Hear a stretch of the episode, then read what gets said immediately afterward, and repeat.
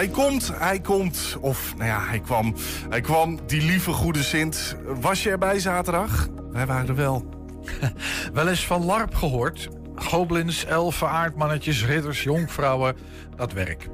Tijdens het Overkill Festival in Enschede redden zij de wereld. Ja, de laatste in de serie kandidaat eh, Kamertukkers. Twee dagen voor de verkiezingen. En we blikken terug met een van de makers. En verder Hengelo Spel en een nieuwe in depot over de eerste zwarte burgemeester van Nederland. Het is maandag 20 november. Dit is 120 vandaag. 120. 120 vandaag. Zenuwachtige gezichten, verlanglijstjes en hooggespannen verwachtingen. Schoentjes zetten en zingen over de maan, de bomen en de wind. Een huppelend paard op daken en op een scheepsdek. Ehm, en geklop op het raam, vast en zeker van een verdwaalde vreemdeling. Sinterklaas is weer in het land. In Almelo, Enschede en Hengelo stonden vrolijk zwaaiende kinderen de Sint en zijn Pieter op te wachten. Ik zie hier om me heen allemaal zenuwachtige gezichten. In de verte hoor ik het geluid van de stoomboot al. Ik denk dat de brug hier in Almelo elk moment open kan gaan. En dat kan natuurlijk maar één ding betekenen. De Goedheiligman is weer in ons land. Sinterklaas wordt in Almelo binnengehaald.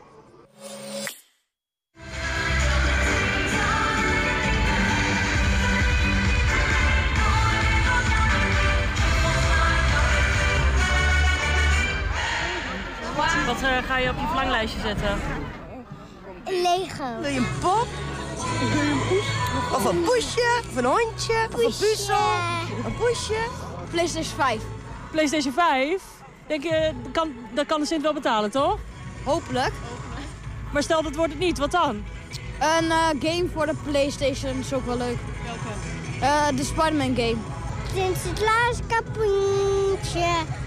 Gooi wat in mijn schoentje. Dank u Sinterklaasje. High five. Ja.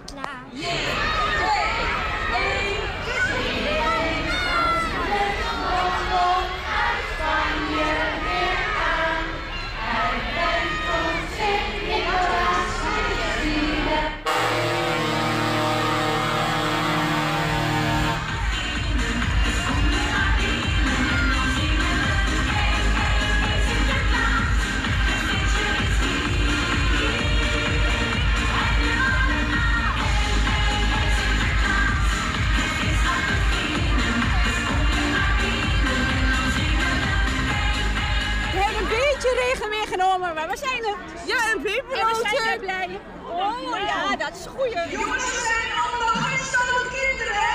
Ja! Ja, mocht dat Sinterklaas niet horen vullen, het zijn geen stoute kinderen. Met veel gedans en gezang, toeters en bellen is Sinterklaas binnengekomen in Almelo. Maar ja, de beste man moet opschieten, want hij moet nog naar Enschede.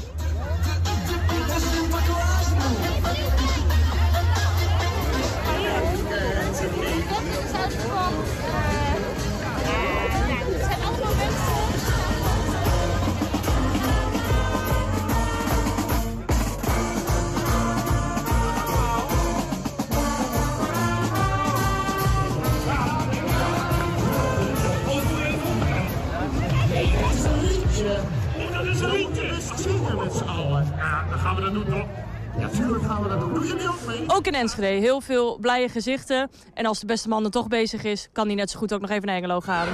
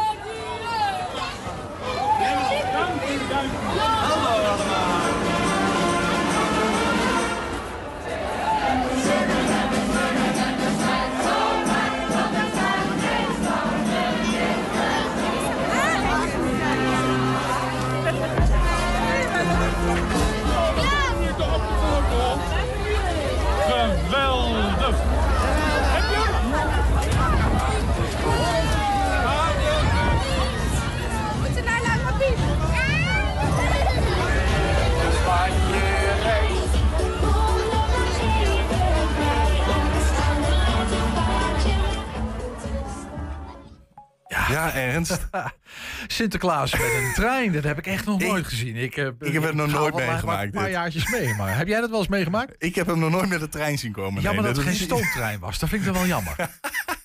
Mooi, mooi. Dat zou, dat zou voor volgend jaar. Tip van Ernst. Neem Voor een Hengelo, stoomtrein volgend jaar. Hartstikke leuk. Goblins, elfen, aardmannetjes en ridders. Tijdens het Overkill Festival in Enschede komen ze tot leven tijdens levend rollenspel. In de LARP, ja, de Horde Goblin Mode, moeten deze vier groepen proberen hun wereld te redden van klimaatverandering. Dat gebeurt niet door met elkaar op de vuist te gaan, maar door een dialoog. Ook kunnen bezoekers meehelpen met de karakters te overleggen. De Overkill is een festival waarin we proberen games, dus computerspellen, kunst, muziek en film samen te brengen. Dat doen we op een manier, we hebben altijd een, een onderwerp waar we onze aandacht aan willen besteden. En die verschillende media gebruiken we om dat onderwerp beter uit te lichten. En ook om met elkaar in contact te komen. Dit is onze twaalfde editie. Eh, het thema van dit jaar is The Outburst of the Digital Swamp. We zijn al een tijdje bezig ehm, om te onderzoeken wat is een LARP nou eigenlijk. Sickhouse is de organisator van de Overkill Festival. En wij doen het hele jaar door programma's in opbouw naar het festival. En een van die programma's is dat we één keer per twee weken D&D organiseren. Dus dat staat voor Dungeons and Dragons. Dat is een, een spel dat je samen speelt en je neemt een rol aan. En dat is eigenlijk een LARP light, om het zo maar even te zeggen. En wij, vonden, wij zagen dat dat een prachtige manier is om mensen bij elkaar te brengen. Om mensen ehm, een verhaal te laten doen, een onderzoek te laten doen... zonder dat heel serieus te hoeven doen. Het is een heel serieus onderwerp en een heel serieuze situatie. Maar je kan daar ook op een speelse manier over praten. En ik heb het gevoel dat als je dat op die manier doet... leer je misschien nog meer en kom je nog meer tot nieuwe inzichten... dan als je dat in een best wel standaard lezingstructuur of whatever doet. So the LARP uh, is, uh, is about climate change. Uh, and uh, it proceeds with uh, various speculative scenarios about what, uh, um, what is the response, the possible response to climate change. So we have uh, basically four different groups of people, four clans, as we refer to, uh, that uh, offer different responses, different uh, ideas about how to deal with it. Eh, ik hoorde van het initiatief dat er eh, een LARP zou komen, eh, dat het een internationaal gezelschap zou zijn van ja, artiesten uit Griekenland. Het klonk supergoed, super gaaf. Het hele verhaal van LARP is ook dat het een post-apocalyptische wereld is waar verschillende rassen samenkomen om een eh, oplossing te vinden voor de huidige problemen. Ehm, en dat zijn problemen waar we nu in de echte wereld natuurlijk ook mee te maken hebben. Well, the expectations is to uh, be able to offer some kind of speculative idea about the future. Uh, not one, but different ones. Uh, and these ideas will be explained, presented, and uh, elaborated in the, in the LARP's assembly, which is the space where the, the different clans meet to negotiate and contest and, uh, and debate. Ik speel Nayura Moonfire en dat is een van de elfen. En als karakters, als groep, zijn we heel erg spiritueel gericht op het hele van de natuur. Maar daarentegen, het is natuurlijk niet allemaal goed. Ehm, daarentegen zijn we wel heel erg egocentrisch bezig. Want we zijn bezig met onszelf naar een hogere bewustzijn te brengen en zo. Maar ehm, ja, dan ga je niet per se naar het eh, collectief kijken. I guess that it belongs uh, to the category of uh, progressive or art, art LARPing, artistic LARPing. Uh, but it is certainly uh, rather uh, idiosyncratic um, uh, because it is exposed to the audience. The, the players are exposed to, uh, to, to the audience and they are also invited to interact with uh, the passers-by. Ehm, wat het interessant maakt natuurlijk is dat we op een festival staan. Normaal op een LARP. eh, Dan ben je eigenlijk alleen maar aan het spelen en je bent alleen maar met spelers en er is geen publiek bij. Dus dit, dat, ma- eh, dat maakt dit best wel heel erg anders. Ik vind de LARP fantastisch om te zien. Ik kan natuurlijk niet meedoen, want daar heb ik geen tijd voor. Maar ehm, dit meekrijgen is zo'n uniek ding. Voor mij is het vooral hier zijn en zien hoe mensen oprecht bij elkaar komen... en met elkaar beginnen te spelen. zelfs al kennen ze elkaar nog niet. Voor mij is dat het leukst, want dat is wat we het liefst willen doen. En zien dat het werkt maakt mij heel gelukkig. 120. 120 vandaag. Ja, uitgebreid naar de kapper of je nagels laten doen. Zaken die geen vanzelfsprekendheid zijn voor mensen die het financieel niet breed hebben. Vandaag kwam daar verandering in. De museumfabriek in Enschede, daar konden cliënten van de voedselbank zich eens lekker in de watten laten leggen.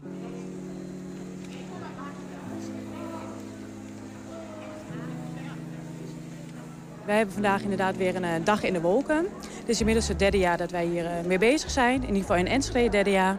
En zo hebben we eigenlijk een dag voor de cliënten van de voedselbank. eh, Een dag, echt een uitje voor hun. Ja, waar ze normaal eigenlijk in hun situatie helaas niet aan toekomen. Dus zo proberen wij hun echt een zorgeloze dag te geven. Nou, ze kunnen ze onder andere naar de kapper, modeadvies. Er zijn nog een aantal workshops. kaarsen versieren, portret schilderen. Lunchen van de broodbode. Eh, dus zo hebben we eigenlijk echt een dag eh, vol leuke activiteiten voor hun.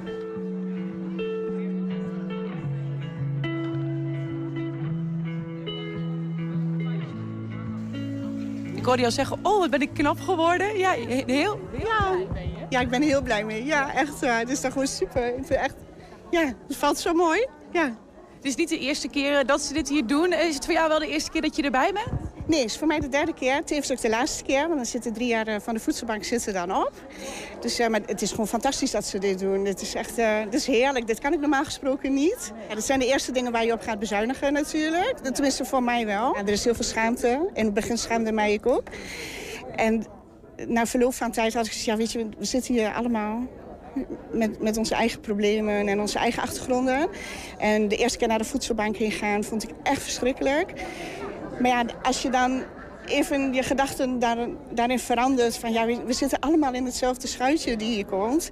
dat maakt het wel wat makkelijker. En ik denk ook juist door er meer aandacht aan te geven... dat het is nou eenmaal een, een groot probleem, de, de armoede en de financiële problemen. Dus het is fijn dat, eh, ja, dat er organisaties en instanties zijn die zich daar goed mee bezighouden.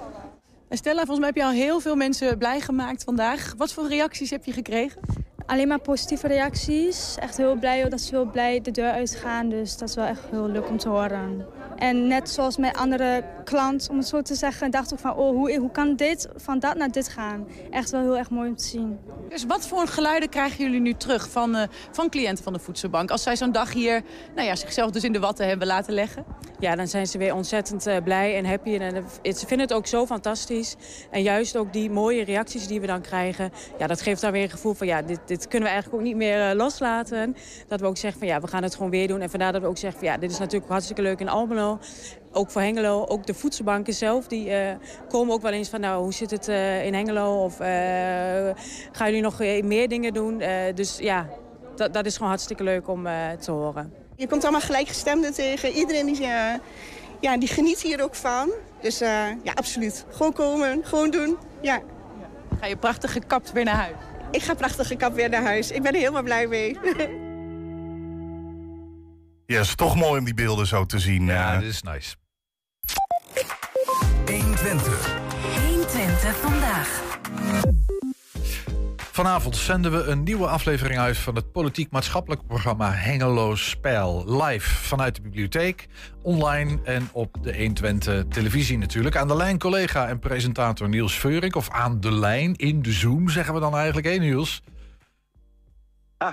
Boys. Wat, wat ziet het er leuk uit? Ja, Dit is ja, een ja, keer ja. nieuw, eh, Niels. Een beetje dynamisch zo hoor, Niels, heel goed. Dus, dat is de eerste keer dat je mij eh, er goed vindt uitzien, eh, Julian. Dat- Ja, nee, ja, maar, hey, als, als mede-presentator eh, vind ik het... Dan mag een complimentje soms ook nog wel, als jouw technicus. Top. Hey Niels, goed dat je er bent. Je staat in de Hengeloze Bibliotheek. eh, dat herkennen wij, ook hier in Enschede. Ja, ja. klopt inderdaad. Ik sta, ik, sta eh, ik weet niet of jullie dat goed kunnen zien, maar achter mij wordt druk opgebouwd. Ja. Eh, camera's, eh, lichten, eh, een, een stukje podium voor eh, muziek. Want vanavond eh, een nieuwe aflevering van eh, Hengelo Spel hier in de bibliotheek. Althans, hartstikke de goed. opname. Hey, leuk. Eh, we- we- welke muziek heb je? Lau daar even mee beginnen. Ja, dat is, Ja, dat is een leuk verhaal. We hebben namelijk eh, muziek van een eh, country rock and roll eh, duo, eh, Aha. genaamd The Dudes. En die komen uit Hengelo. Oké. Eh, ik- catch. Ik, ik wacht op het grappige verhaal. Je hebt, eh, ja, je hebt eh, in, in eh, Nederland twee Hengelo's. En eh, drie keer raden uit welke Hengelo zij dan komen. Ja, het is dus niet, het is dus niet de Hengelo waar jij nu staat, begrijp ik. Er, er is iemand eh, bij jou in de ruimte, Ernst, eh, daar. En die, eh, die heeft dat geregeld. En die belde met deze mannen. En die zeiden, hey, leuk, jullie komen uit Hengelo. Zou je mee willen doen? met Zeg Hengelo? thuiswedstrijd. Waarop die mannen zeiden, dat gaan we doen, dat is prima. Waarop hij erachter kwam uit welke Hengelo zij. Maar dat vonden wij heel grappig en leuk. Dus de Ja. vanavond in de uitzending. Ja, ik, ik, zei, ik zei tegen ze, dit is een thuiswedstrijd. En toen vertelde zij mij, maar we moeten een uur rijden. Ik zei, hè? Er gaat iets mis. Ja, geweldig. Eh, we, we doen het met lokaal talent. Heel goed. hey Niels, welke lokale Precies, items? ja. Want ik Ja, neem aan dat de, de rest... Hengelo ook in één keer veel groter, hè? Dat snap ik. Hey, maar ik neem aan dat de rest van Hengelo Spel wel gewoon over het Overijsselse Hengelo eh, zal gaan, vermoed ik. Waar, waar, waar gaan we het vanavond over hebben, Niels? Ja. Eh, nou ja, we gaan het onder meer hebben over de ijsbaan. Eh, die is gered. Eh, en nou ja, vooral door inzet van gemeente Enschede. Die hebben er gewoon geld er tegenaan gesmeten, structurele subsidie. Maar wel onder een aantal voorwaarden. Hè. Dus dat er verduurzaamd moet worden. En dat er dus andersoortige evenementen in de ijsbaan, op de ijsbaan Twente worden ge- georganiseerd. Maar ja, goed, je hebt ook gewoon een, een, een club in Hengelo die dankbaar gebruik maakt van die ijsbaan in de, in de, in de winter. En eh, nou, daar gaan we mee praten. Van wat vinden zij nou eh, van, nou ja, hoe voelt het voor hen om in onzekerheid te zitten? En hoe voelt het nu eh, dat, die, dat de zekerheid er is? Maar het ook wel interessant, er is ook een club, dit is Behoud IJssport Twente. En dat zegt IJssport Twente. Ehm, en die heeft eigenlijk in deze de, ehm, nou ja, in die, die, dat proces hebben ze heel erg meegedacht. Daar zitten allerlei gebruikers in van die ijsbaan. En die hebben met gemeente Enschede meegedacht over hoe moeten we het nou zo inrichten. En echt mede met, in aanspraak of in overleg met hen is dit plan tot stand gekomen. Ik ben ook wel gewoon benieuwd te horen. Dat is bijvoorbeeld uh, Luc Vinkervleugel, die zit daar aan, uh, aan tafel van die, van die club. Van ja, wat, wat, is nou precies, wat zijn nou die voorwaarden? En wat gaat er nou dan gebeuren in die ijshal de komende jaren? Ik hoop dat hij daar iets over kan uh, vertellen. Luc Vinkervleugel, een ontzettend leuke naam. Dat is nog leuker dan ja. uh, Niels Veurink. Veurink Vinkervleugel, dat lijkt me... Wordt een mooi ja, duo vanavond. Ernst, ja. Want de achternamen die worden allemaal gehusseld, heb ik laatst gehoord. Ja. maar we hebben nog meer, wil je nog meer horen? Ja, natuurlijk willen wij meer horen. Kom maar op. We hebben geen tijd meer. Oh, nou kijk. Uh, nou, de vraag is natuurlijk of uh, carnaval de katholieke kerk gaat overleven. Hè? Want soms lijkt het ene populairder dan het ander. Um, maar goed, afgelopen, nou ja, niet afgelopen zaterdag, maar vorige week zaterdag alweer was de 11e van de 11e. En ook in Hengelo is een nieuwe stadsprins benoemd. Dat is Rob de Tweede. En uh, hij, is, uh, hij komt vanuit de Windbuil. Dat is eigenlijk de grootste carnavalsvereniging hier in Hengelo. Je hebt er zes. Uh, maar goed, over het algemeen zie je er niet zo heel veel van. Uh, zeker niet buiten de, nou ja, de optochten om. En nou ja, met, met Rob en met zijn, een van zijn adjudanten, zoals dat heet, hè, um, die overigens zelf ooit ook stadsprins van Hengelo was, um, gaan wij in conclaaf uh, over wat het dan betekent in Hengelo en nou ja, voor hen om, om een stadsprins te zijn. En ook een beetje van hoe inclusief is zo'n feest tegenwoordig. Je hoort wel eens dat stadsprins zijn eigenlijk alleen maar kan als je een bak geld of sponsoren meebrengt. Dat het ook best wel daarom draait. Maar volgens mij heeft zij daar wel een andere andere blik op. Hè. Ze willen heel inclusief zijn. Dus nou ja, goed, daar ga ik met uh, Rob de Tweede uh, vanavond over praten. Klinkt als interessante um, thema's. Het overleven en, van en, carnaval en de katholieke kerk. Juist, juist. En sponsoring. En, en dan doe ik denk ik aan de... Een... Ja, we, volgens mij praten we een beetje langs elkaar heen hè, in, de, in de audio. Ik vind het mooi, ga lekker door. Maar dat maakt niet uit. Ik moest denken aan de Amerikaanse presidentsverkiezingen. Word je ook president als je maar de meeste sponsors ongeveer achter je naam krijgt. Uh, zoiets dreigt in carnavalsland ook, begrijp ik.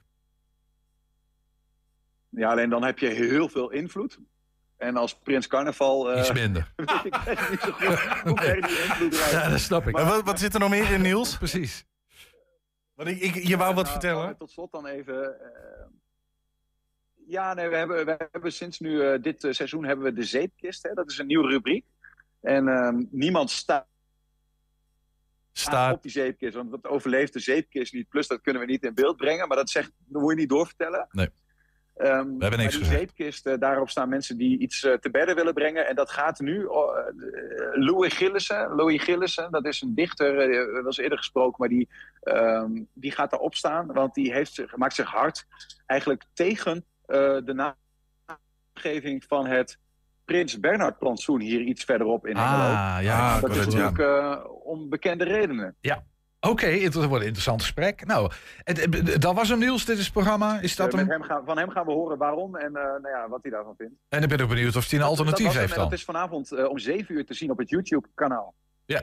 Eh, de- Ja, dat, bijvoorbeeld, ja, wat is dan het alternatief? Moet het het Sint-Bernhard-plantsoen gaan, eh, gaan worden? Of eh, toch... eh, Het Niels Veuring-plantsoen. Het carnaval-plantsoen, Ja, kan ook. zit ik nu te bedenken. Ja, het Niels Veur. Het, wat- hadden we nou? Vinkentouw? Ik weet niet meer precies. Maar maakt niet uit, Niels. ja. Hey, maar vanavond om 7 uur live op ons YouTube-kanaal. En later ook te zien op televisie en op allerlei andere plekken. Juist. En je kan Dus, er live bij zijn, hè, als je wil. Absoluut. Eh, dan moet je hier om kwart voor zeven in de bibliotheek aan de Beurstraat eh, zijn. Dan krijg je een kopje koffie of thee. En eh, nou ja, goed. En om zeven uur gaan echt de opnames starten. En eh, kun je op ons YouTube-kanaal, althans van 120 Hengelo, kun je dan meekijken. En anders donderdag om 10 uur s'avonds is het nog eens op televisie te zien. Dus niet getreurd. En ook op YouTube kun je gewoon terugkijken. Hartstikke goed. Hey, Niels, veel plezier vanavond. En een, goede, een goed Hengelo spijl. Steek de pijlstok in die samenleving van Hengelo vanavond, jong. Ik zal het bij de pijlstok houden. Is Goed zo. Eh, We zijn ook als eh, podcast te beluisteren. Ja, dat is leuk hè? Leuk om even zo met Niels... eh, we zijn als podcast te beluisteren. Uh, dat is het programma... Nee? Hoorde je? Ik zal het bij de pijlstok houden, zei Ja. hij. Een ondeugende jongen, hoor. die, Ja, eh, nee, maar dat, dat, dat is hij ook. Zeker. En ik denk dat Niels, van, je zag al wel dat hij zijn oortjes in heeft. Hij moet zich natuurlijk ook voorbereiden. Maar hij luistert heel graag ook podcast. Dat kun je dus thuis ook doen. 120 vandaag vind je het hele uur. En iedere dag, ook in het weekend, maakt helemaal niks uit. 120 vandaag uitgelicht. Eén item uitgelicht. Yes, en we gaan de reeks interviews met Twentse politie op weg naar het Binnenhof afsluiten. Zometeen praten we met interviewer Bouwien Rutte over haar ervaringen met die tien kandidaat kamertukkers die zij sprak. 120. 120 vandaag. Ja, Ernst zei het net al, mijn aanloop naar de Tweede Kamerverkiezingen trekken 120 en Twente FM samen op om zetelkandidaten uit de regio te portretteren. Vandaag sluit Bert Tijhoff, zoals gezegd, de serie af. Hij wil de Kamer in voor de ChristenUnie. Politiek verslaggever Bouwien Rutte ging met hem in gesprek. Zo, goedemiddag. Hey, dag Hoi. Bert. Ja, Hey, daar fijn zijn dat we. je er bent. Ja, vind ik ook. Arbreten, de Lutte. Ja, nooit geweest. Ik laat me verrassen. Ja, het is echt heel erg mooi. Ja. Maar jij komt zelf uit Reizen. Ja, helemaal de andere kant van Twente, hè? eh, Ja, maar ook een prachtig gebied. Jazeker. Ja, de natuur is heel mooi. Ja, moet zuinig op zijn. Ja, zeker weten. Bert, je staat op de lijst voor, eh, voor de ChristenUnie. Ja. De lijst van de Tweede Kamer. Zeker. Eh, je hebt niet direct een, een verkiesbare plek, zoals het nu lijkt. Maar je gaat er natuurlijk wel voor, neem ik aan. Ja, we zijn druk met campagnevoeren bezig. En, eh, het is gewoon heel belangrijk dat de mensen uit de regio op de lijst staan... en dat eh, eh, de regio gehoord wordt in Den Haag. Ja. Want het gaat niet vanzelf. Nee, en ik denk dat je dat zelf ook al wel ervaren hebt, want je bent op dit moment wethouder. Ja, zeker. Dus je, je zit al in die hele politieke dynamiek. Ja, ik loop al een tijdje mee. Ik heb, eh, het is de vierde keer dat ik op de lijst sta voor de, voor de ChristenUnie. de vorige keer op plek 13 en nu plek 17. Ja. Maar ja, als je politiek actief bent, dan, merk je gewoon dat het gewoon belangrijk is om je stem te laten horen. Den Haag komt niet voor niks naar Twente. Twente heeft wat te bieden aan Den Haag. Dus dan moet je wel zorgen dat je het er ook brengt. Ja. En ja. ja, die connectie is gewoon belangrijk. Twente heeft heel veel mooie techniek, heel veel mooie banen.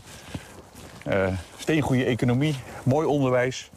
Eh, het lijkt hier wel een beetje nat, maar Twente is ook nog hoog en droog vergeleken bij de rest van, eh, van Nederland. Ja. En wat heeft Nederland in de toekomst nodig? Plek om te wonen, te werken, te recreëren. Voor heel veel mensen. Nou, ik denk dat we Twente... eh, ja, we moeten niet te veel reclame maken voor Twente, want dan wordt Twente straks te vol. Maar Maar weet je, toen ik jou eh, eh, vroeg waar je het graag over wilde hebben... toen gaf je ook als een van de onderwerpen naberschap aan. En dat is natuurlijk wel een typisch Twents begrip. Noberschap is, is echt wel iets eh, wat je in Oost-Nederland heel veel ziet. In Friesland heeft het ook nog wel een beetje. Eh, maar dat is vooral het naar elkaar omzien. En niet omdat je eh, er zelf beter van wordt, maar omdat de gemeenschap er beter van wordt. En dat je van, van elkaar op aan kunt. Niet om zelf beter te worden, maar omdat je ook weet dat als jij hulp geeft aan je buurman... en je hebt zelf een keer hulp nodig, dat je erop mag vertrouwen dat die buurman jou dan ook helpt. En dat staat eigenlijk haaks op waar we als Nederland de afgelopen jaren naartoe zijn gegaan. Dat het ieder voor zich is. En eh, ik gun ons land weer dat we weer wat meer naar elkaar omzien. Dat we eh, het samen doen. En dat zie je in Twente gewoon gebeuren. Ja. In Twente kun je niet alleen, je moet met elkaar. En nou ja, dat, dat doen we dan ook. Wij, zijn, wij baseren ons, onze politiek ook wel op de Bijbel. Eh, en naast de liefde is ook het omzien naar elkaar. Dus dat is een hele mooie vorm van noberschap die je daar al, eh, al ziet. Ja. En dat is een boek wat al eeuwen oud is, maar gewoon ook hele mooie lessen voor nu heeft.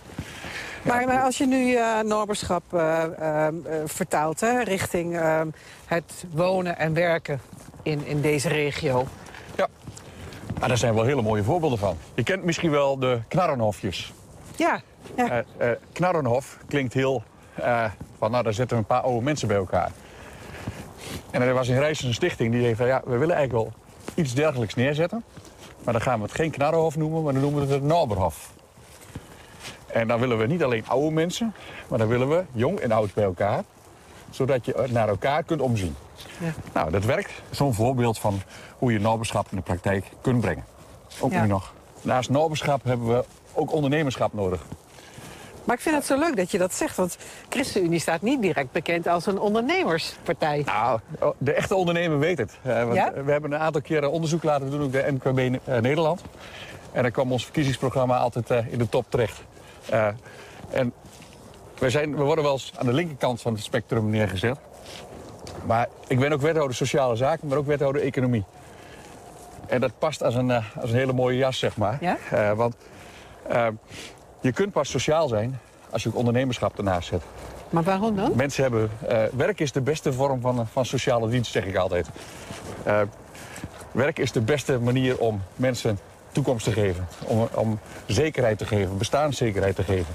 We hebben juist ondernemers nodig die eh, ook verder kijken dan, eh, dan alleen hun portemonnee. Maar ook gewoon kijken naar eh, wat is er van belang in de samenleving. Ik zeg altijd, in gemeenschappen...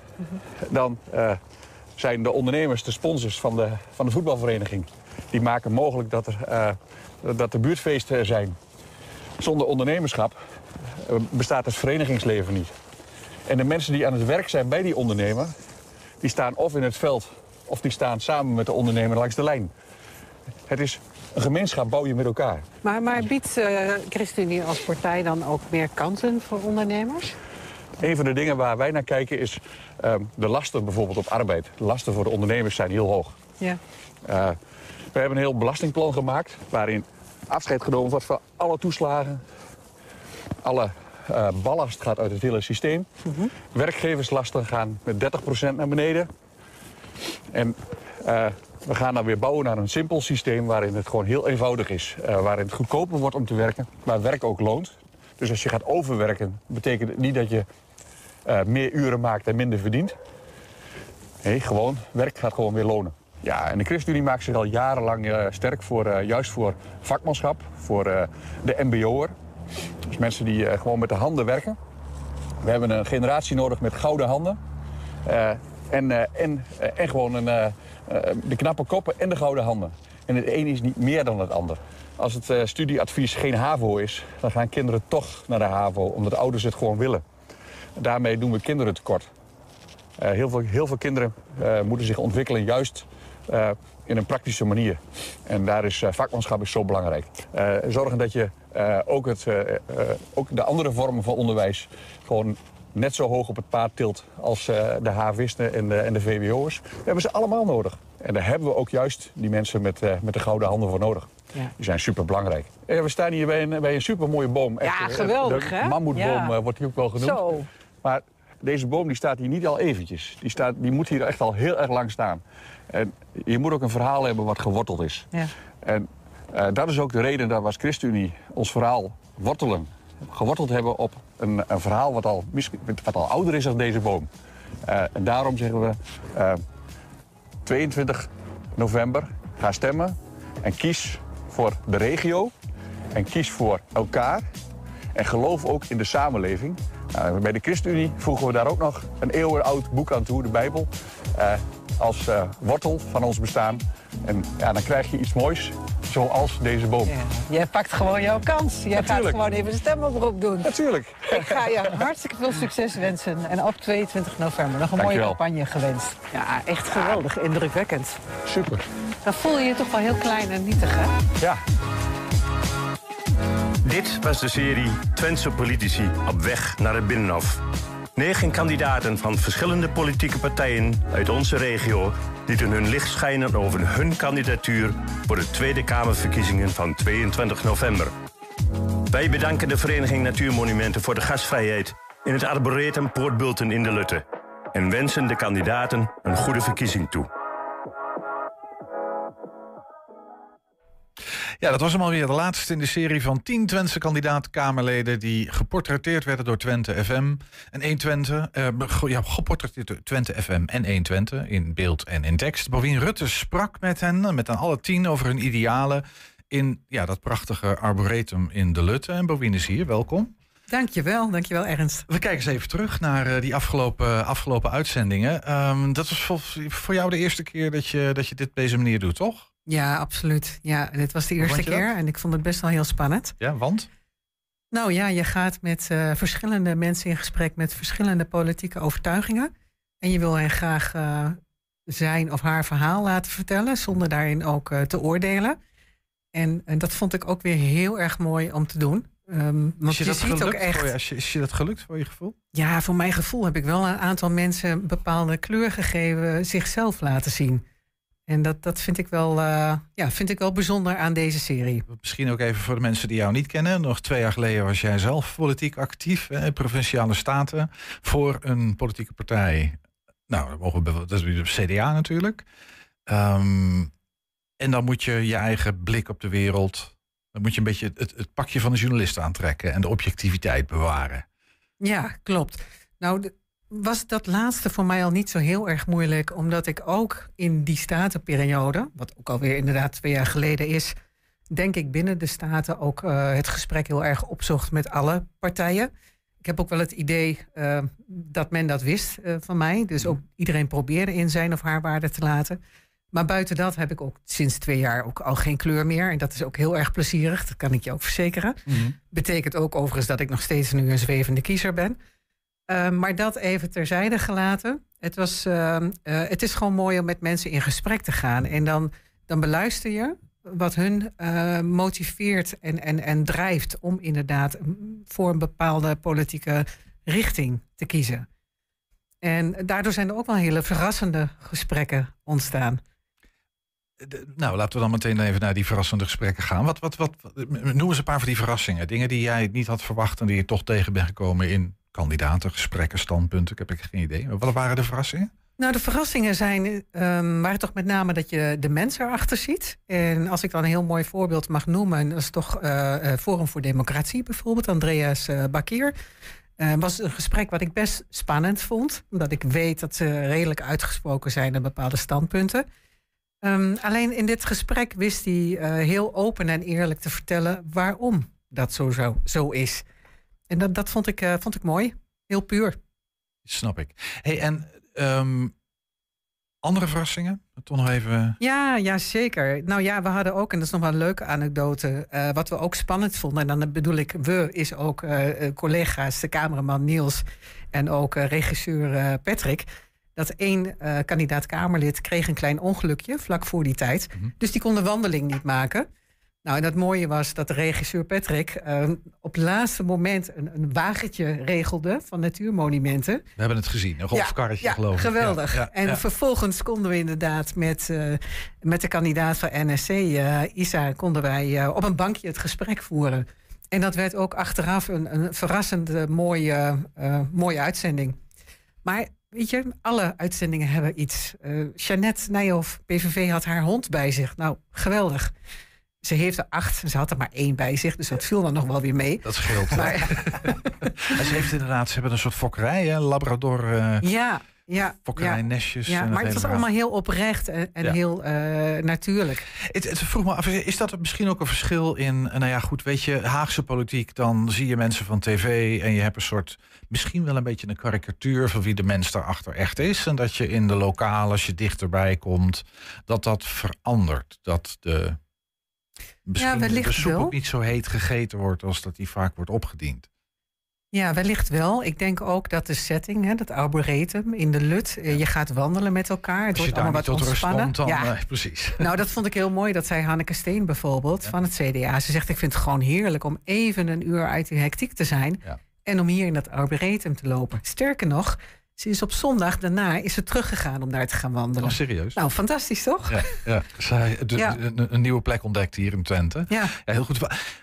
Misschien even naar het motief. Want waarom heb jij deze serie... Want het was jouw idee, dat eh, begreep ik van je. Waarom heb je deze serie willen maken? Nou, mijn idee. ehm, ehm, Wim van Twente FM vroeg mij voor. Bovien heb je nog een leuk idee? En we raakten eigenlijk met elkaar aan het brainstormen bij Twente FM.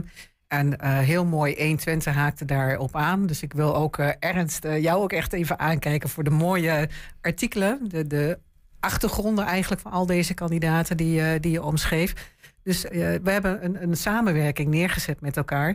En je geeft een, een, een beeld van de regio. En dat is wel wat ik zelf heb ervaren vanuit mijn politieke achtergrond. Het geluid uit de regio is echt van belang. Het doet er echt toe in Den Haag. En dat hebben we willen benadrukken met deze serie. Ja, ja en misschien ook, eh, laten we dan toch maar even in gesprek gaan met elkaar. Ik probeerde een beetje in de stoel te gaan zitten van de, nou ja, de, de interviewer. Maar het klopt, ik heb daar wat teksten bij geschreven. Ehm, het, ging behoorlijk van, van een klein beetje links. Als je, ik weet niet of dat nog helemaal eerlijk is in de huidige politieke tijd hoor. Maar laten we even links. Nou, ook best wel heel veel rechts hier in de regio. Misschien kan je zeggen progressief, nou heel veel conservatief. Dat viel mij wel op. Is dat we aardig wat conservatieve Ja, ja. kandidaten hebben. In, eh, zonder daar een waardeoordeel aan te verbinden verder. Ehm, is, is dat typisch platteland misschien dan toch? Nou ja, ik miste natuurlijk eh, een partij ook in het rijtje, wat toch voor nu wel heel erg belangrijk is. Hè? Dat is bijvoorbeeld BBB. Eh, maar dan blijkt dat daar geen Twentse kandidaat is. Ja. ja, en we hadden echt als onderwerp Twentse kandidaten. Dus dan heb je het al niet volledig. Hetzelfde geldt bijvoorbeeld voor een D66. Hè? Die zou wat meer richting dat, dat linkse spectrum gaan. Ehm, dat vond ik wel een gemis. Want uiteindelijk, nou ja, PvdA was natuurlijk voor twee partijen samen. Maar ook, ook een Partij voor de Dieren. Ik, heel eerlijk had ik ook heel graag naar dat verhaal geluisterd. Eh, Maar dat dus we valt het wel op, plaatje niet compleet. Nee, precies. Het valt wel op dat, dat Twente er lang niet in al die politieke partijen evenzeer vertegenwoordigd is. Hè. Dat is nog een beetje een zoek oproep aan deze partijen ook, denk ik. Ehm, maar waarschijnlijk ook voor Twente. En zegt dat ook iets over de, misschien de bescheidenheid van Twente? Of het feit dat we toch onvoldoende op die trom roeren, ook binnen de Haagse politiek? Om op te vallen, kandidaten aan te Ehm, leveren? Ja, wellicht wel. Eh, het is natuurlijk de afstand naar Den Haag is ook vrij groot. Hè? Dus op het moment dat je die keuze maakt, moet je ook heel veel laten. Mhm. Je kunt niet iedere dag zo even heen en weer. Dus ik echt alle respect voor de mensen die zich kandidaat stellen vanuit Twente. Ehm, daarnaast denk ik ook ehm, toch wel dat de omgeving hier in Twente misschien wel wat veiliger is dan in het midden van het land. Dat daar wat meer reuring, nog meer nationaliteiten zijn, waardoor je ook een hele andere hectiek krijgt. En waardoor ook bepaalde onderwerpen gewoon veel meer spelen. Hier heb je natuurlijk heel sterk het, het stikstofdossier. Nou ja, maar daarom is het op zich wel opmerkelijk dat de BBB bijvoorbeeld geen Twentse kandidaat heeft. Hè? Ja, ik bedoel, dat speelt eens. natuurlijk in onze regio Ja. heel erg. Ja. Ja, dat vind ik echt een gemis eh, persoonlijk. Maar goed, daarin hadden ze natuurlijk ook wat pech. Eh, met een Enschedeze kandidaat die wel op de lijst staat, maar niet meer voor de partij gaat. Maar ik had, eh, het was mooi geweest om dat, dat plaatje vollediger te hebben. Want Twente is echt weer een andere leefomgeving dan de Randstad. Nou ja, dat hebben al die kandidaten ook echt wel benadrukt. Al, bijna allemaal. De een iets nadrukkelijker. De een profileert zich toch iets. Als, als, als je nou het rijtje afgaat. Wat zijn nou de, de kandidaat-Kamerleden waarvan jij het gevoel ook echt had en hebt? Ehm, die gaan ook, die profileren zich ook echt als regiovertegenwoordiger. Die willen iets met heel specifiek Twentse thema's. Ja, dat zijn uiteindelijk toch wel een, eh, een aantal kandidaten, ook vanuit het rechtse spectrum, die dus inderdaad heel sterk kijken naar Eh, bijvoorbeeld het buitengebied, maar ook eh, het wonen, wat ook in hier stedelijk echt een issue is. Maar ook het goederenvervoer, wat ook een, een hot item is. Daar kwamen verschillende kandidaten. Bijvoorbeeld Jeannette van PVV kwam daarop terug. Maar ook Yvonne van de VVD. Dus dat merk je wel, dat zijn actuele onderwerpen die hier leven. Ja, ik moest ook denken aan Hanneke, de wethouder Ja, in zeker. Hanneke Steen, Ja. wethouder Ja. in, in Hengelo. Ja, echt- nou, echt Hanneke een- is natuurlijk echt een regio-kandidaat. Ja. Die ook, eh, nou ja, volgens mij ook de afgelopen dagen heel druk eh, in die regio is geweest. Ja. Oproep van deze kandidaten was natuurlijk, ja, het is, het, is bijna een beetje bias om, dat, om het daarover te hebben. Maar was, eh, nou ja, hou er rekening mee dat die regio die stem van de regio vertegenwoordigd moet zijn daar in, eh, in Den Haag. Dus ah, let daarop als je, als je gaat stemmen. Is dat een, een, logisch pleidooi? Of is Den Haag toch wel, het is gewoon die landelijke politiek, joh. En, en, en, en daar moeten we het over de grote landelijke thema's hebben en doen de regio's er wat minder toe. Ja, daar kan ik maar één voorbeeld aan noemen. En dat is toch wel eh, op dit moment het mooiste voorbeeld van Pieter Omzicht. Die als regiokandidaat landelijk nu eh, echt heel veel, niet alleen nu, maar de afgelopen jaren heel veel invloed heeft eh, uitgeoefend. En daarin kun je ook heel goed zien hoe, hoe het er toe doet dat die regio wel op de kaart komt. Absoluut, ja. Wel van belang. Wel Dat van die, eh, belang. ja, die, Ja, eh, de- de zeker. stem van de regio wordt niet automatisch gehoord. Belangrijke thema's in die regio. Wat, wat, wat zijn er die deze kandidaten naar voren hebben? Je noemde er al een paar. Hè? Wonen, goederenvervoer had je het over. Ja, nou, ChristenUnie nam ook, eh, benoemde ook heel mooi eh eh, normerschap. Ja, dat is natuurlijk wel iets typisch Twents, hè? Normerschap. Het woord is Twents, maar is, is, het, eh, is het fenomeen ook serieus Nou, echt ja. Of overdrijven we dan ook niet een klein beetje? Ehm, ja en nee. Het zal ongetwijfeld ook in andere buitengebieden ehm, bekend zijn. Het is niet iets stedelijks. En ik denk wel dat mensen in grote steden daar soms best behoefte aan hebben om op deze manier met elkaar om te gaan. En dat betekent geen grote sociale controle, maar wel naar elkaar omzien. En nou ja, zelf ben ik woonachtig in het buitengebied, maar ik heb ook in, in de stedelijke omgeving gewoond. En het, het brengt wel heel veel, heel veel. Het brengt wel een, een bepaalde vorm van veiligheid en alertheid. Zorg voor elkaar, omzien naar elkaar. Ja. En dat is, eh, ja, dat vind ik wel een heel mooi thema, ook vanuit Twente. Wat we toch in Den Haag zeker geagendeerd hebben gekregen, het woord. Ja. Nobberschap is inmiddels bijna een Nederlands woord geworden. Dat, eh, je hoort het eh, nou, te, te pas en te onpas iets over Ja, qua maar spelling willen nog enige- wel eens afwijken. Ja, dat is waar. Ja, de uitspraak is ook niet altijd. Maar goed, dat, dat, dat brengen we ze heel langzaam wel bij. Dat komt wel goed. Je noemde net één kandidaat eh, die we niet in de serie hebben gehad. Wel misschien hadden willen hebben. Dat is Pieter Omtzigt natuurlijk. Ja, ja, die hadden we graag willen hebben. Ja. Maar het is ook heel begrijpelijk dat zijn agenda helemaal uitpelt. Dat klopt. Eh, maar betekent ook, eh, ik zit even te kijken, nieuw sociaal contract. We hadden geen andere kandidaat in het rijtje ook. Hè? Ik bedoel, dat geluid hebben we dan ook niet echt gehoord. Jawel, Isa- Isa jawel. Karaman. Oh, natuurlijk. Isa Ja. stond op de lijst. Ja, Ja, nee, ja. ik was eventjes, je hebt helemaal gelijk. Ja, nee, die zat er zeker wel. Ja. Ja, maar dat, geluid, ja, dat was een helder geluid. Ehm, dus mensen die dat niet hebben gezien, vooral nog eens eventjes terugkijken. Jij bent twee jaar geleden, ruim twee jaar geleden, uit de actieve politiek eh, gestapt. Zwevende kiezer, zeg je net. Dat lijkt me ook een interessant fenomeen voor je, of niet? Ik vind het heel interessant. Ja, absoluut. Dus Sowieso als je jaren eh, eh, aan een partij gebonden bent, is Een dat een leven heel lang plezierig wat je moest. En, eh, Maar is, is de wereld dan veranderd of is Bouwien Rutte veranderd? Ik denk dat dat laatste. Nou ja, weet je, je gaat op een gegeven moment ben je poli- politiek actief. Word je politiek actief. En je hebt niet door dat dat betekent dat je ook aan een partij conformeert. En, ehm, maar iedere partij heeft ook, en dat zal iedereen erkennen, niemand heeft nooit al de standpunten die jij inneemt. Dus het is altijd een beetje een zoektocht. Je, je geeft wat en je neemt wat. En ik vind het zelf voor nu heel plezierig om niet gebonden te zijn. Maar ik heb ook heel veel waardering voor de mensen die wel die keuze maken en zich daar ook volledig voor, eh, voor inzetten. En ik denk echt dat de aankomende verkiezingen, aankomende woensdag, gaat er wat veranderen. En dat is wel een, eh, een plezierig vooruitzicht, want dat Ja. mag ook. Nou ja, misschien. Ik, dat heel, ik vind dat heel, dat is heel herkenbaar. Eh, waardering voor de mensen die wel kiezen om een politieke carrière te starten. en iets te betekenen in die politieke arena voor ons als samenleving. Um, dat is mij even gewoon recht uit mijn eigen hart. Dus dat mijn ervaring ook is dat eigenlijk al die politici die ik ken, lokale politici zeker. eh, uit het goede hout gesneden zijn. Soms vo- volledig anders denken dan ik over thema's. Maar dat is eigenlijk helemaal niet zo heel belangrijk. Ehm, nou ja, de, de oproep om vooral op de inhoud te gaan. Van hey, waar staan mensen echt voor? Dit is goed volk, eigenlijk stuk voor stuk. Ehm, en breng je stem uit op wat voor jou belangrijk is. Waarvan jij denkt, dit is belangrijk voor het land. Exact. Jij bent er nog niet uit, weet je. Heeft deze serie je geholpen om een stapje dichter bij het rood te kleuren hokje te komen? Of, of ben je echt nog heel erg aan het twijfelen? Nee, zo, zo, zo erg ben ik niet aan het twijfelen. Ik zit er al wel dichtbij. Maar de serie heeft me wel geholpen om inzicht te krijgen in, in uh, de beweegredenen van uh, de diverse is partijen. Toch terwijl je al jaren in de politiek Ja. actief bent. En Ja, op zich die, klopt. die En, maar dan eh, ben je toch heel erg eh, gefixeerd op je eigen verhaal. En nu ga je op een hele andere plek zitten. En ga je heel neutraal dat verhaal beluisteren. En eh, ja, het heeft mij wel eh, eh, wat, wat ogen doen openen.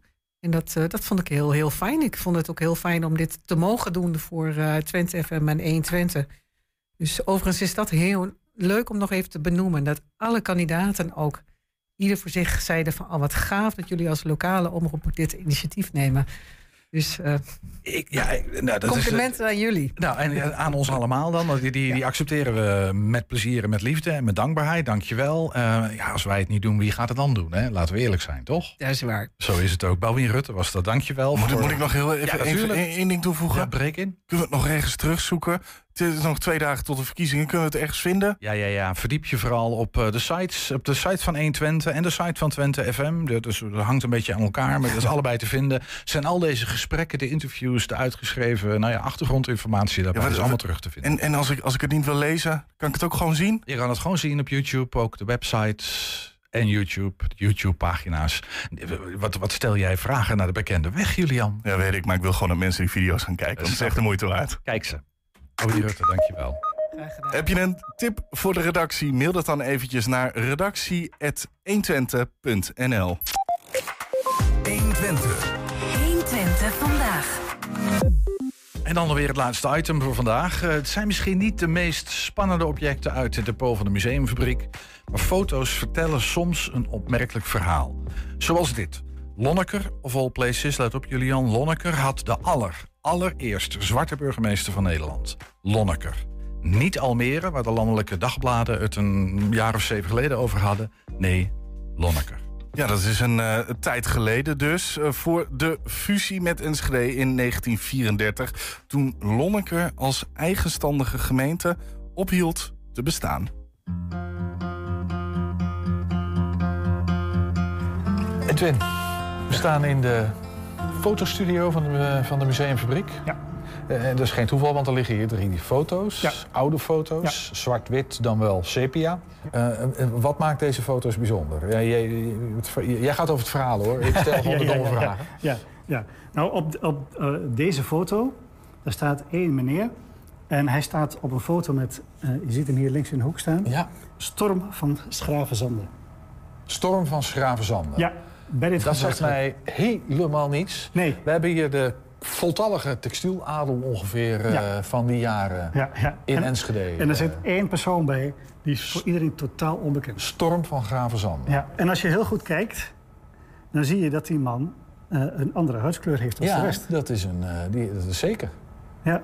Hé, wat een bijzonder. Dat is een hele opmerkelijke foto. Te midden van de blanke textieladel van Enschede verkeert één ja. donker man. Donker een man, man. met een donkere huidskleur. Ja, ja.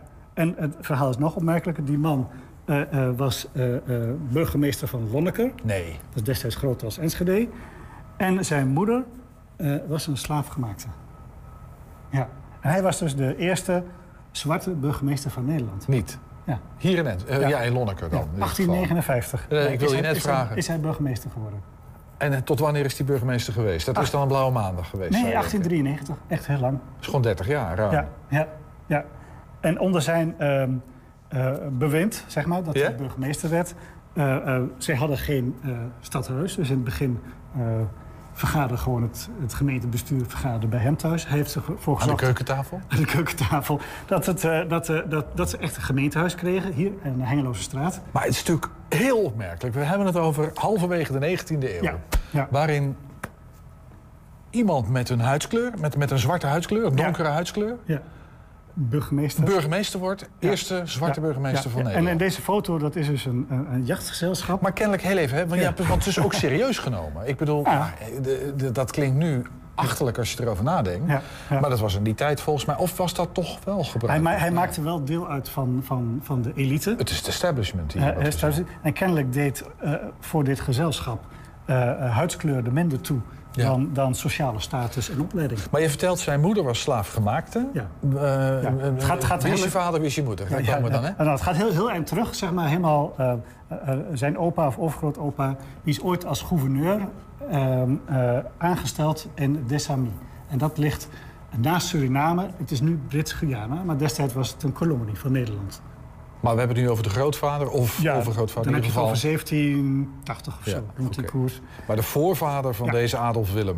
Ja, die had dus een. eh, en hij ging dus terug naar zijn plantage in eh, Suriname. Mhm. En eh, nou, hij, ging, hij kreeg kinderen, kleinkinderen. Zijn allemaal in Suriname blijven wonen. werden allemaal eigen- plantage-eigenaren waar ze koffie, suiker, dat soort gewassen, cacao eh, verbouwden. Maar echt midden in de slaventijd. Midden in de sla gewoon slaaf. Ze hadden gewoon dus, dus plantage Ik- met slaven. Ik voel het verhaal al aankomen. En, zijn, en, zijn, en, en daar komen we bij de vader uit van eh, Adolf Willem. Dat was dus gewoon een plantagehouder met een middelgrote plantage... eh, waar ze 184 slaven hadden. Nou, en wat gebeurde? Vader van Adolf Willem, Storm van Gravenzande... die, maakte, die had relaties met slaafgemaakte vrouwen. Ja. En bij twee van die vrouwen heeft hij eh, eh, ook kinderen verwekt. Waaronder Adolf Willem. Oké, dus daar kwam die vandaan. Daar kwam die vandaan. Hoe is die dan in, hier in Enschede? Nou, toen eh, dan hij wel Lonneke als terecht. jongvolwassene, Ja. staat er, dus wat zal hij zijn, 1820, is hij naar Enschede vertrokken. Ja. Met familiekapitaal. De familie had een aantal steenbakkerijen, dus, dus, dus kleigroevers, steenbakkerijen hadden ze in bezit. Nou, die kreeg hij onder zijn beheer. En hij is hier, heeft hij kennis genomen aan een tenkate. En daar is hij mee getrouwd. Ah. Nou, in 1859 komt er een vacature voor burgemeester van Lonneke. Hij solliciteert nou, en hij krijgt de baan. Ongelooflijk. Ik vind dat toch opmerkelijk. Ja. Eh, hij zal dan ook vast 30 jaar volgehouden. Ja. Hij zal best een goede bestuurder geweest zijn ook. Hè? Volgens van, ja. eh, en- en- maar ik, kan je dan zeggen dat dat huidskleur er in die tijd misschien toch veel minder toe deed? Of was dat ook om van, van nou ja, gelet op zijn goede afkomst? Ik denk dat dat zal heel erg meegeholpen hebben. En er waren natuurlijk veel, er waren natuurlijk nauwelijks mensen Nee. hè, met een andere kleur. Maar jij hebt nog twee foto's liggen. hè, Voor, want eh, ik vind het een heel opmerkelijk verhaal. En het ook gek dat we dat niet kennen. Ja, ja. Ik want dit, dit, is, dit is wel, wel, wel, wel een hele mooie foto met al die topstukken. Waar is deze foto gemaakt? Nog heel even? eh, bij de kleine stoom. Oké. Ja, ja, ja. En, en eh, nou, je ziet eh, de jachttrofeeën, die hebben ze uit, uit, eh, uit Den Haag Ja, dat is een beetje tegenvallen hoor. Dat zijn, eh, Het zijn niet de eh, goede ik schutters. zie één, t- nee, dat zijn geen beste schutters. Twee herten, een vos en een vogel zie ik. Ja, Ja. met een man of zes, zeven. Ja, ja. Met een geweer in de handen in ieder Ja. geval. Nou, vooruit. Ja, Ehm, ja, ja. ja. Nou ja, eh, het, het idee was tot voor kort nog dat we hebben er één foto van die man. Ja. Eh, eh, nou, ik heb er nog eentje gevonden Kijk. waar die op staat. Kijk, Edwin, Ja, zo, ja. wat zouden we zijn zonder jou? Ja, ja. En deze is, eh, eh, deze is van 1888 en deze is van 1894. En dit is een jubileum van eh, gymnastiekvereniging Achilles.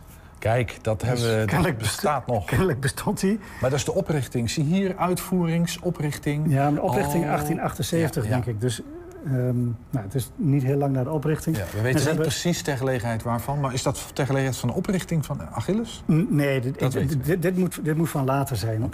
Goed, maar je, ziet- want je ziet allemaal korpsen die ze uit hebben genodigd. Ja. Allemaal vaandels van uit Zutphen, uit Goor. Dus ehm, ze hebben kennelijk een heleboel andere verenigingen uitgenodigd. Ja. En, en na alle verenigingen van de gymnastiekvereniging staan hier vooraan. En helemaal rechts in de hoek met zijn eh, dikke, buik en een bol, dikke buik en een bolhoed. Daar staat eh, Adolf Willem van Storm van Gravenzande als eh, burgemeester waarschijnlijk aanwezig hier. Ja. Ik vond nog een foto van zijn, van zijn zoon. Mhm. Zijn zoon die was werkzaam bij gemeente Enschede. Die pik ik er zo niet. Oh, hij. Hij, ja. Nou, een heel ietsje andere tent, hè? Ja, ja, maar het is Ja. natuurlijk sepia, dus Ja, het is moeilijk ja, om te zien. ja. En dit maar zijn gewoon- een aristocratisch. Is aristocratisch. Ja, is echt een verfijnd gezicht. Terwijl dit zijn gewoon meer gemeenteambtenaren. Oké. En dit is in 1892 is deze foto genomen. Ja. En dat is ook het jaar waarin die zoon is overleden. Joh, dus dat is... 1892 was helemaal voor Adolf Willem een, rampjaar. Want zijn oudste zoon, dat is hij dus, die overleed. Ja. En zijn vrouw overleed. En een jaar later, 1893, overleed hij zelf. Ja, ja, hij overleed in het harnas als burgemeester, Als burgemeester. van Lonneke. Ja. Maar eh, waar ligt hij begraven, weten we dat? Nee, weet ik niet. Nee. nee. nee.